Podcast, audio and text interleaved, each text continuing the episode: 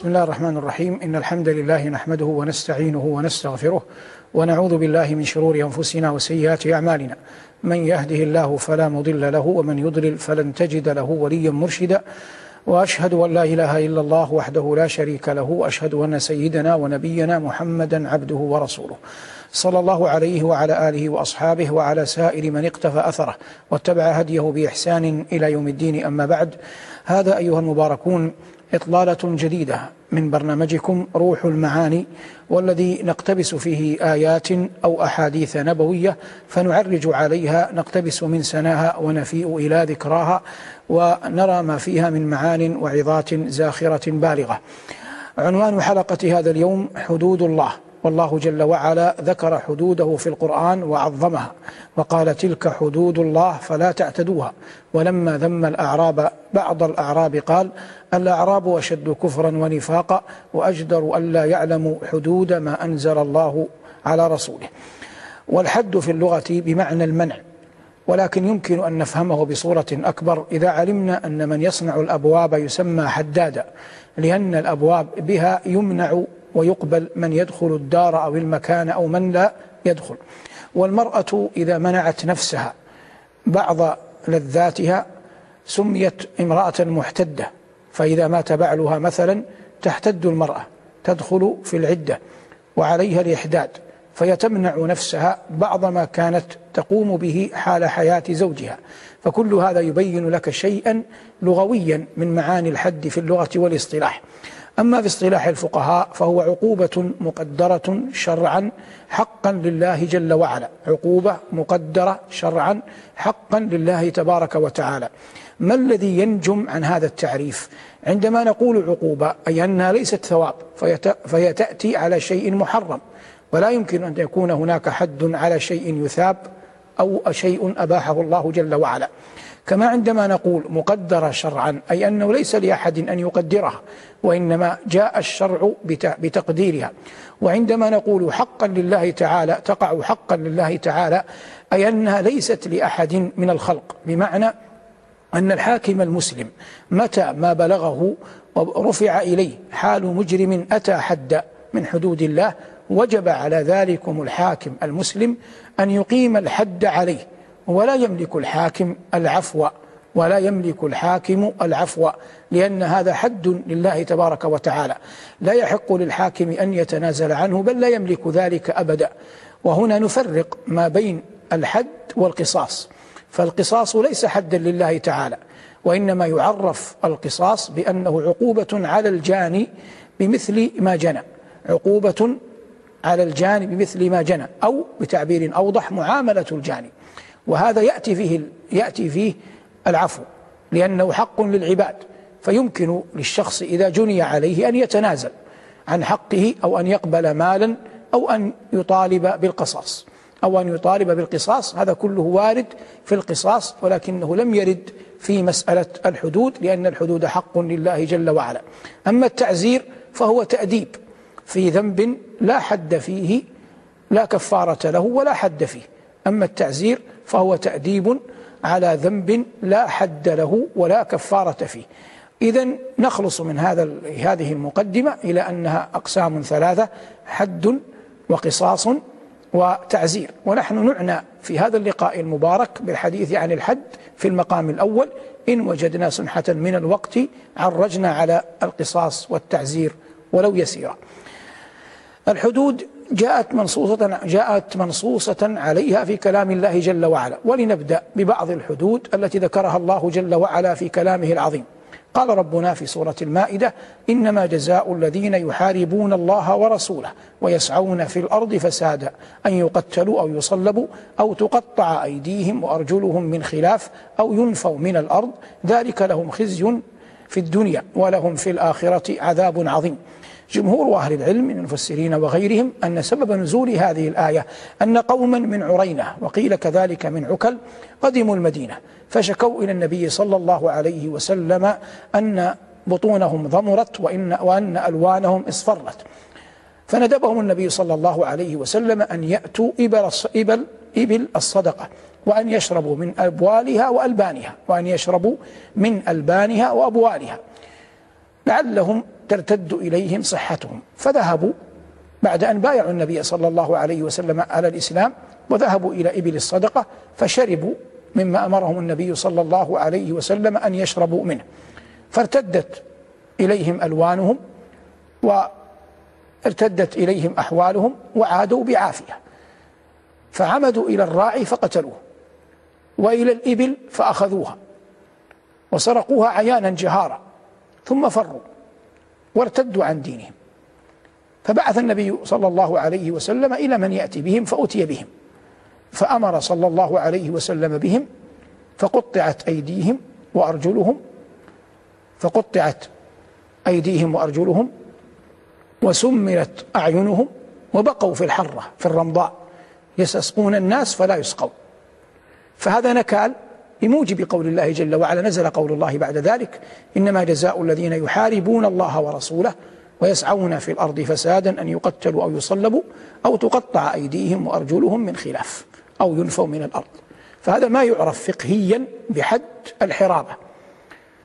وهذا الحديث يبين أن ثمة أمور تجب على الحاكم المسلم منها مع إقامة حدود الله أن يكون معنيا بإشاعة الأمن في الناس وهذا لا يتأتى إلا بتأديب الظلمة وردع المجرمين وأن يكون للإمام سلطان وشوكة قوية حتى يثاب البار ويعاقب الفاجر وإلا لن يبقى الناس في حالة من الأمن وقدرة على عبادة الله جل وعلا على الوجه الأكمل والنحو الأتم.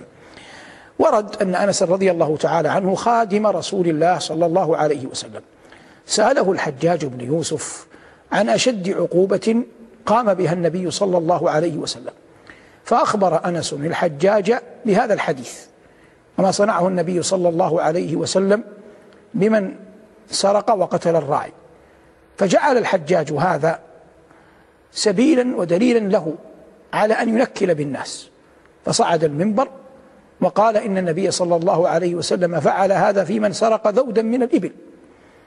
فكيف بمن فعل كذا وكذا؟ فجعل الحجاج هذا طريقا وسبيلا إلى أن يبطش بالناس. والحجاج بن يوسف الثقفي مر معنا ربما بعض شأنه في لقاءات سابقة. نعرج على ما لم نذكره في اللقاءات الماضية.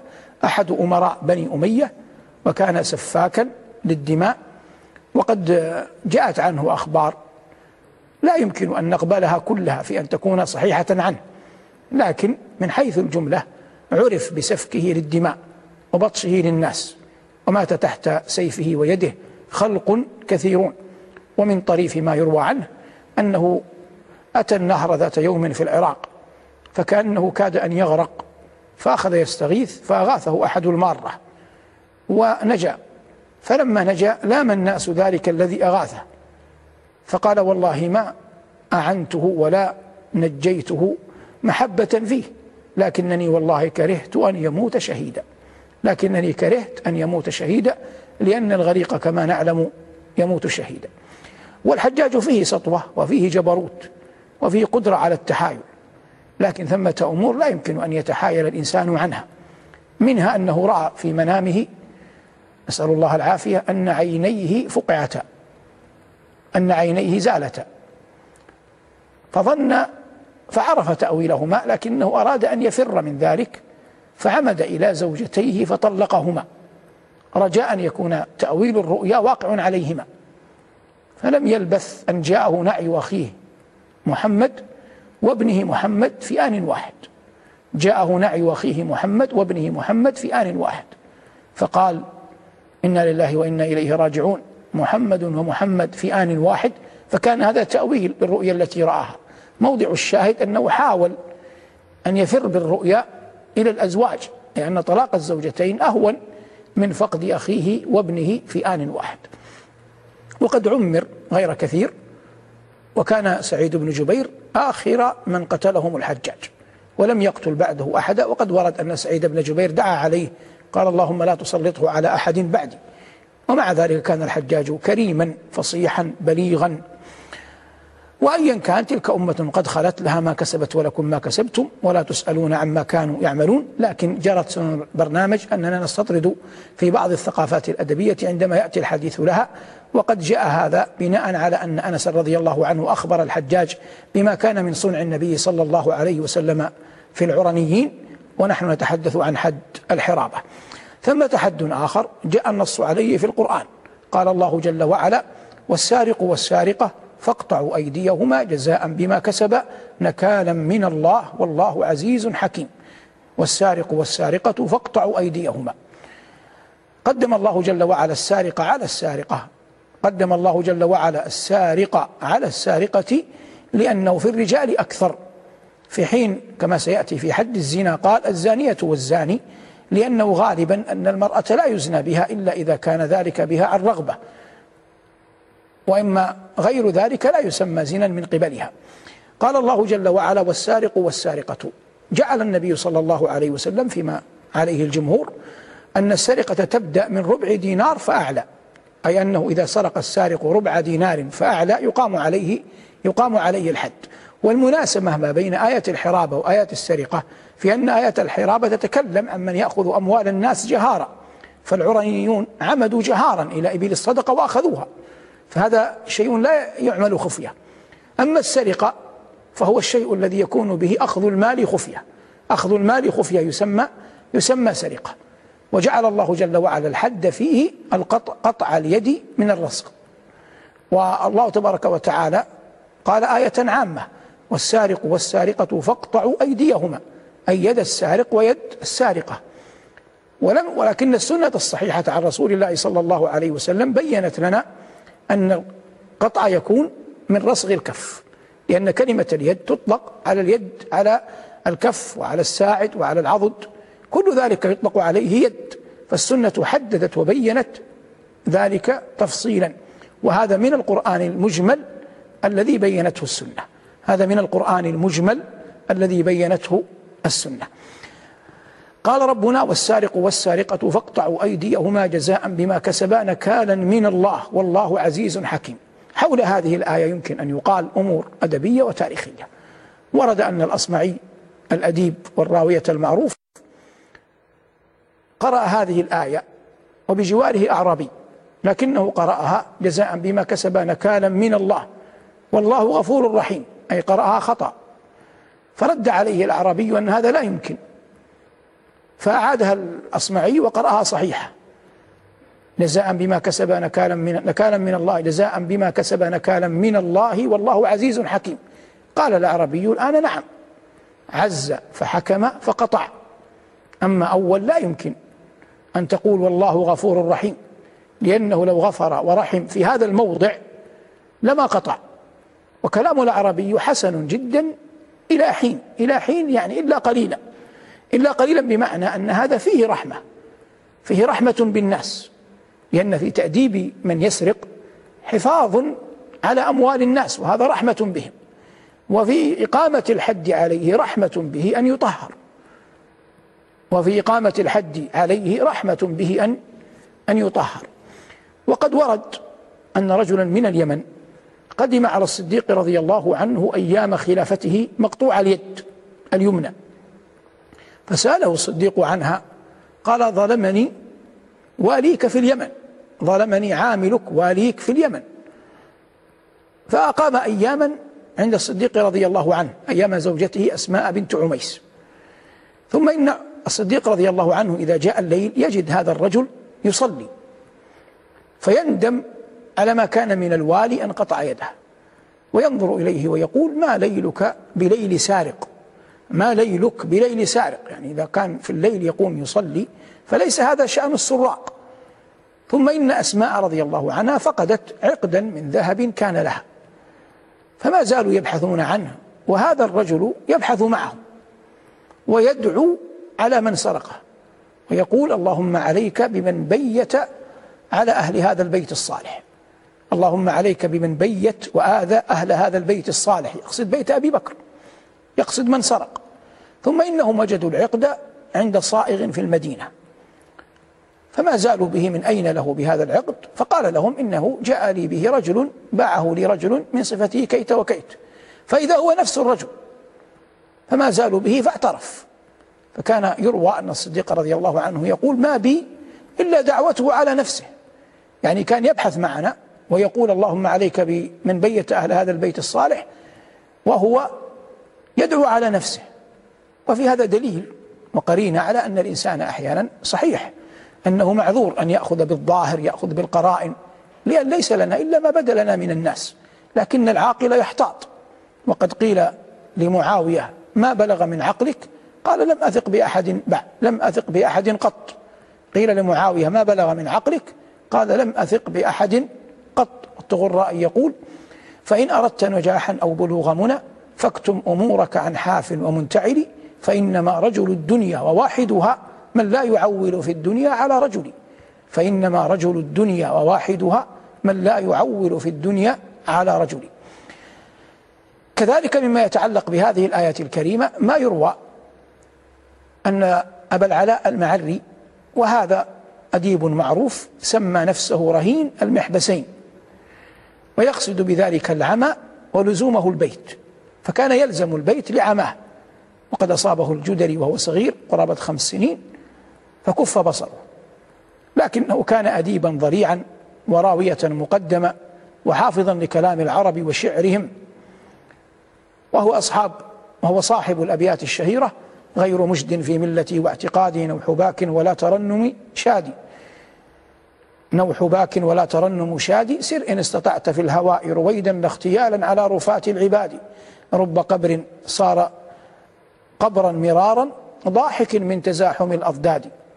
في أبيات يذكر فيها فلسفته في الحياة وقد رمي بالزندقة إلا أنه يؤثر عنه أنه أراد أن يؤلف قرآنا عياذا بالله يعارض به القرآن ويروى أنه سماها الفصول والغايات فإن صح هذا فما أعظم جرأته على الله. ويروى عنه كذلك أنه قرأ قول الله جل وعلا إن في ذلك لآية لمن خاف عذاب الآخرة. ذلك يوم مجموع له الناس وذلك يوم مشهود وما نؤخره إلا لأجل معدود. فبكى وقال سبحان من هذا كلامه. فبكى وقال سبحان من هذا كلامه. وكان عنده شيء من الإعجاب بالمتنبي وربما ألف نقل أنه ألف كتابا أسماه معجز أحمد والمتنبي اسمه أحمد بن الحسين وله أخبار في الأدب أكثر من هذا لكن هذا ما, ما اقتصرنا عليه. الذي جاء بذكر أبي العلاء المعري فيما نحن فيه أنه قال يلمز لزندقة فيه بحدود الشرع. قال يد بخمس مئين عسجد وديت ما بالها قطعت في ربع دينار.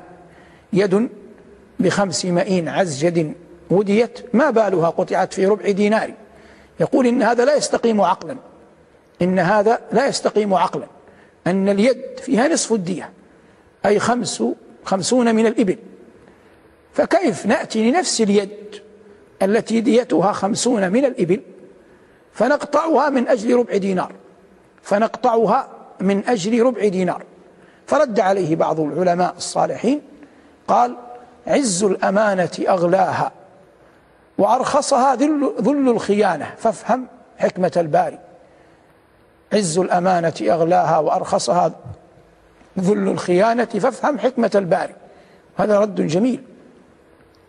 والمعنى أن هذه اليد إنما وديت بخمسين من الإبل عندما تكون أمينة عندما تكون يدا لم تقترف الحرام السرقة أو مستورة الحال. لكنها إذا سرقت خرجت من عز الأمانة إلى ذل الخيانة. فعاقبها الشرع بأنها تقطع في ربع دينار. فعاقبها الشرع بأنها تقطع في ربع دينار. عز الأمانة أغلاها وحسن أن تقف هنا وأرخصها ذل الخيانة فافهم حكمة الباري. ولا ريب أن الناس أن الناس إنما يؤتون من قلة فهم وأحيانا يغيب عن الإنسان يغيب على الإنسان الدراية بأحكام الشرع وكيفية الاستنباط والفهم. فيتقول ما, لا ما ليس صحيحا وربما يأتي بالأمور على غير وجهها. مما يتعلق كذلك بقول الله تبارك وتعالى والسارق والسارقة فاقطعوا أيديهما جزاء بما كسب نكالا من الله. والله عزيز حكيم أن يعلم أن النبي صلى الله عليه وسلم قطع. والمرأة المخزومية التي حاول أسامة أن يشفع فيها. فلما كانت الحدود حقا لله كما حررنا آنفا وليس للوالي المسلم كما قلنا في مقدمة اللقاء أن يعفو فإن هذه المرأة لم يعرف عنها كبير إثم ولا خلق سيء لكنها سرقت فلما سرقت أحب قومها من بني مخزوم وهم من أشراف قريش أن لا تؤذى. فجعلوا أسامة بن زيد شفيعا لهم عند النبي صلى الله عليه وسلم فقال عليه الصلاة والسلام أتشفع في حد من حدود الله يا أسامة؟ وأيم الله لو أن فاطمة بنت محمد سرقت لقطعت يدها. إنما أهلك من كان قبلكم أنهم كانوا إذا سرق فيهم الشريف تركوه وإذا سرق فيهم الضعيف أقاموا عليه الحد.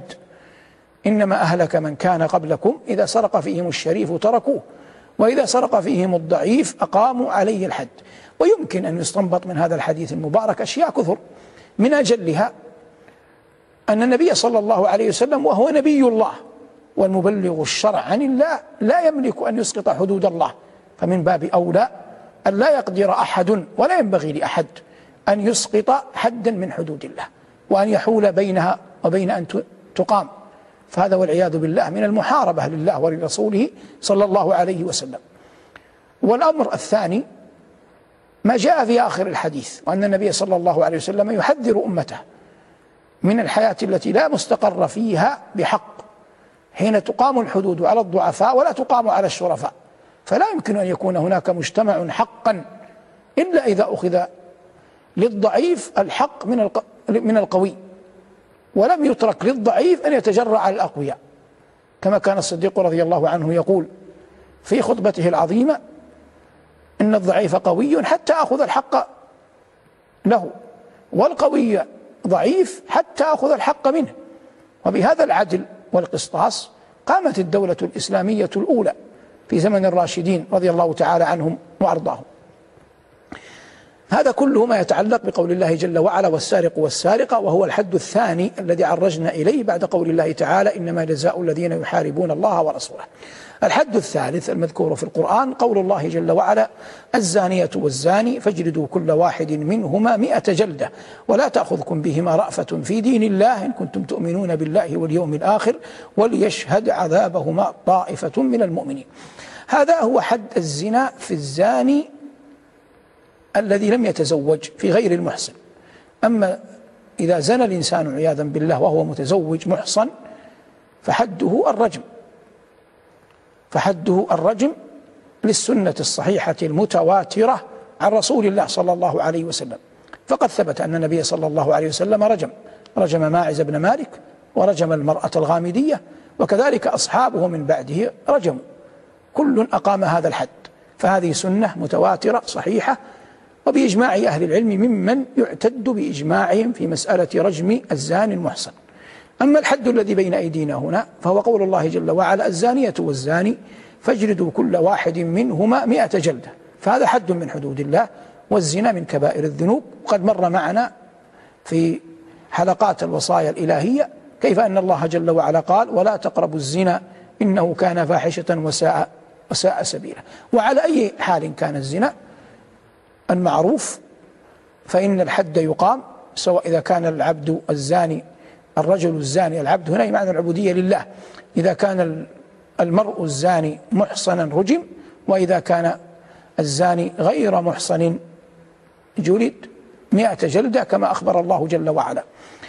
وفي هذا تأديب للناس ولهذا قال ربنا جل وعلا وليشهد عذابهما طائفة من المؤمنين. طائفة بمعنى فرقة.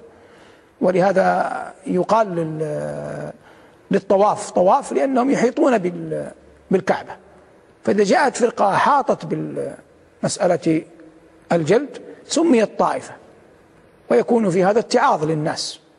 وفي الوقت نفسه تأديب لأولئك الزناة. وقد قال جل وعلا ولا تأخذكم بهما رأفة والرأفة غير الرحمة على الصحيح. وإن قال بعض العلماء إنها من الرحمة. الرحمة واقعة هنا لا محالة. رحمة للمجتمع أن يؤدب الزناة رحمة للزاني نفسه أنه يتطهر ويتوب الله جل وعلا عليه. لكن لو رأفنا بهم وهي أخص الرحمة وأدقها لما جلدناهم. لو رأفنا بهم لما جلدناهم. لكننا لكن الشرع رحمهم فأقام الجلد عليهم. وربما كان أحيانا القسوة والعقاب نوع من الرحمة. وقد قال القائل فقسى ليزدجر ومن يك راحمة ومن يك حازمة فليقسو أحيانا على من يرحم فقس ليزدجروا ومن يك حازما فليقسو أحيانا على من يرحم. فحتى من نحبهم أحيانا نقسو عليهم من باب أننا نرحمهم وهذا من جنسه.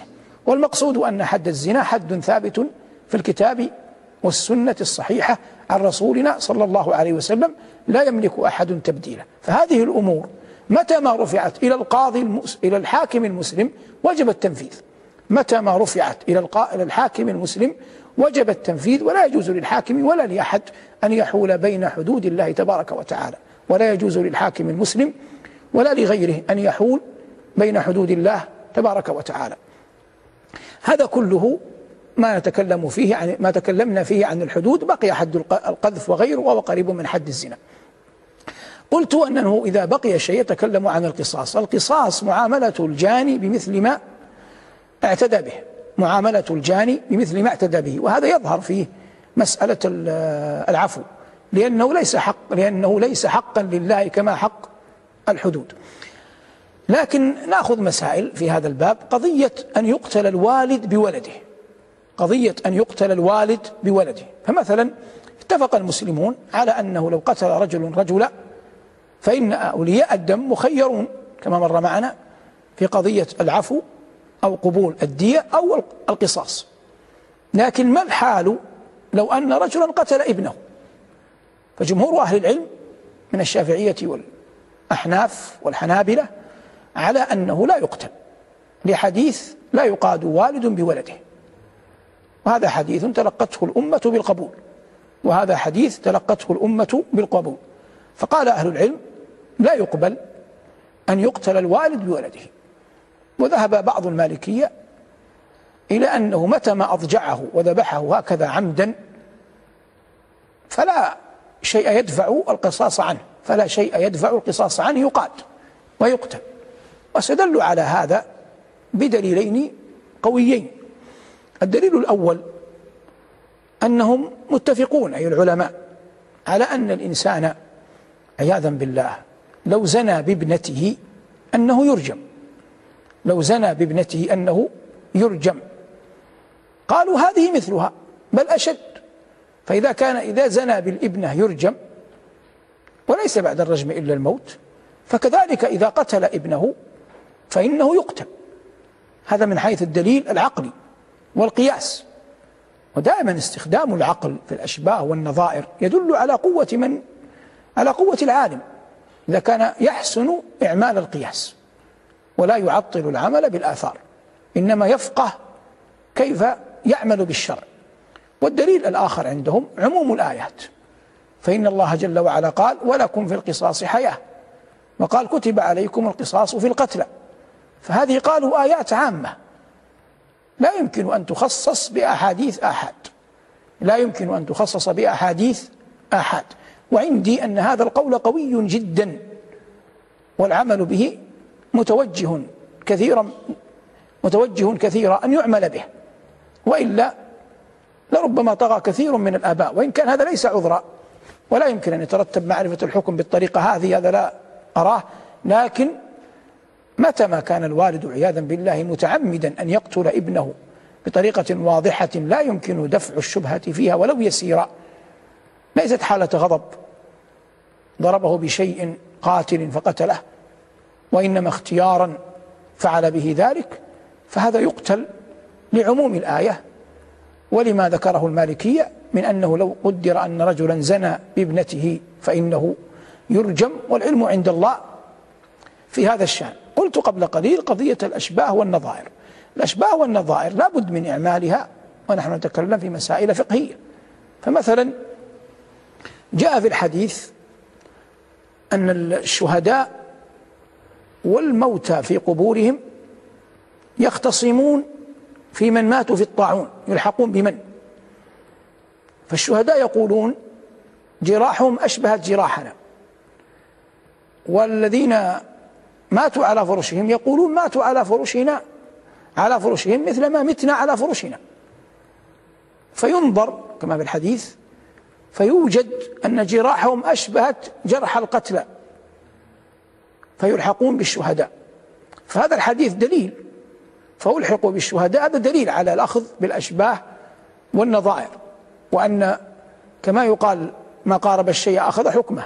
ما قارب الشيء أخذ حكمه. والمقصود إعمال العقل في النصوص الشرعية. فالنقل يأتينا لكن لا بد من إعمال العقل فيه. وإعمال العقل في صحيح النقل هو الذي به يرقى العالم ويصل إلى أن تأخذ الأمة عنها عنه دينها وتثق بعلمه وإلا النقل لمجرد النقل هذا موجود.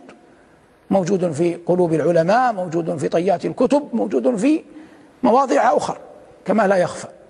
وإنما يعرف فرق عالم عن عالم بإعمال العقل المستسقى من هدي الكتاب والسنة الذي ألف صاحبه إعمال العقل وقرأ كثيرا. كيف كان الأئمة الكبار رحمة الله تعالى عليهم يتعاملون مع النصوص الشرعية؟ فكان أهلا لأن يحكم في دين ربنا تبارك وتعالى. ذكر الله تبارك وتعالى حد القذف. وحد القذف ثمانون جلدة. وحد الزنا مئة جلدة.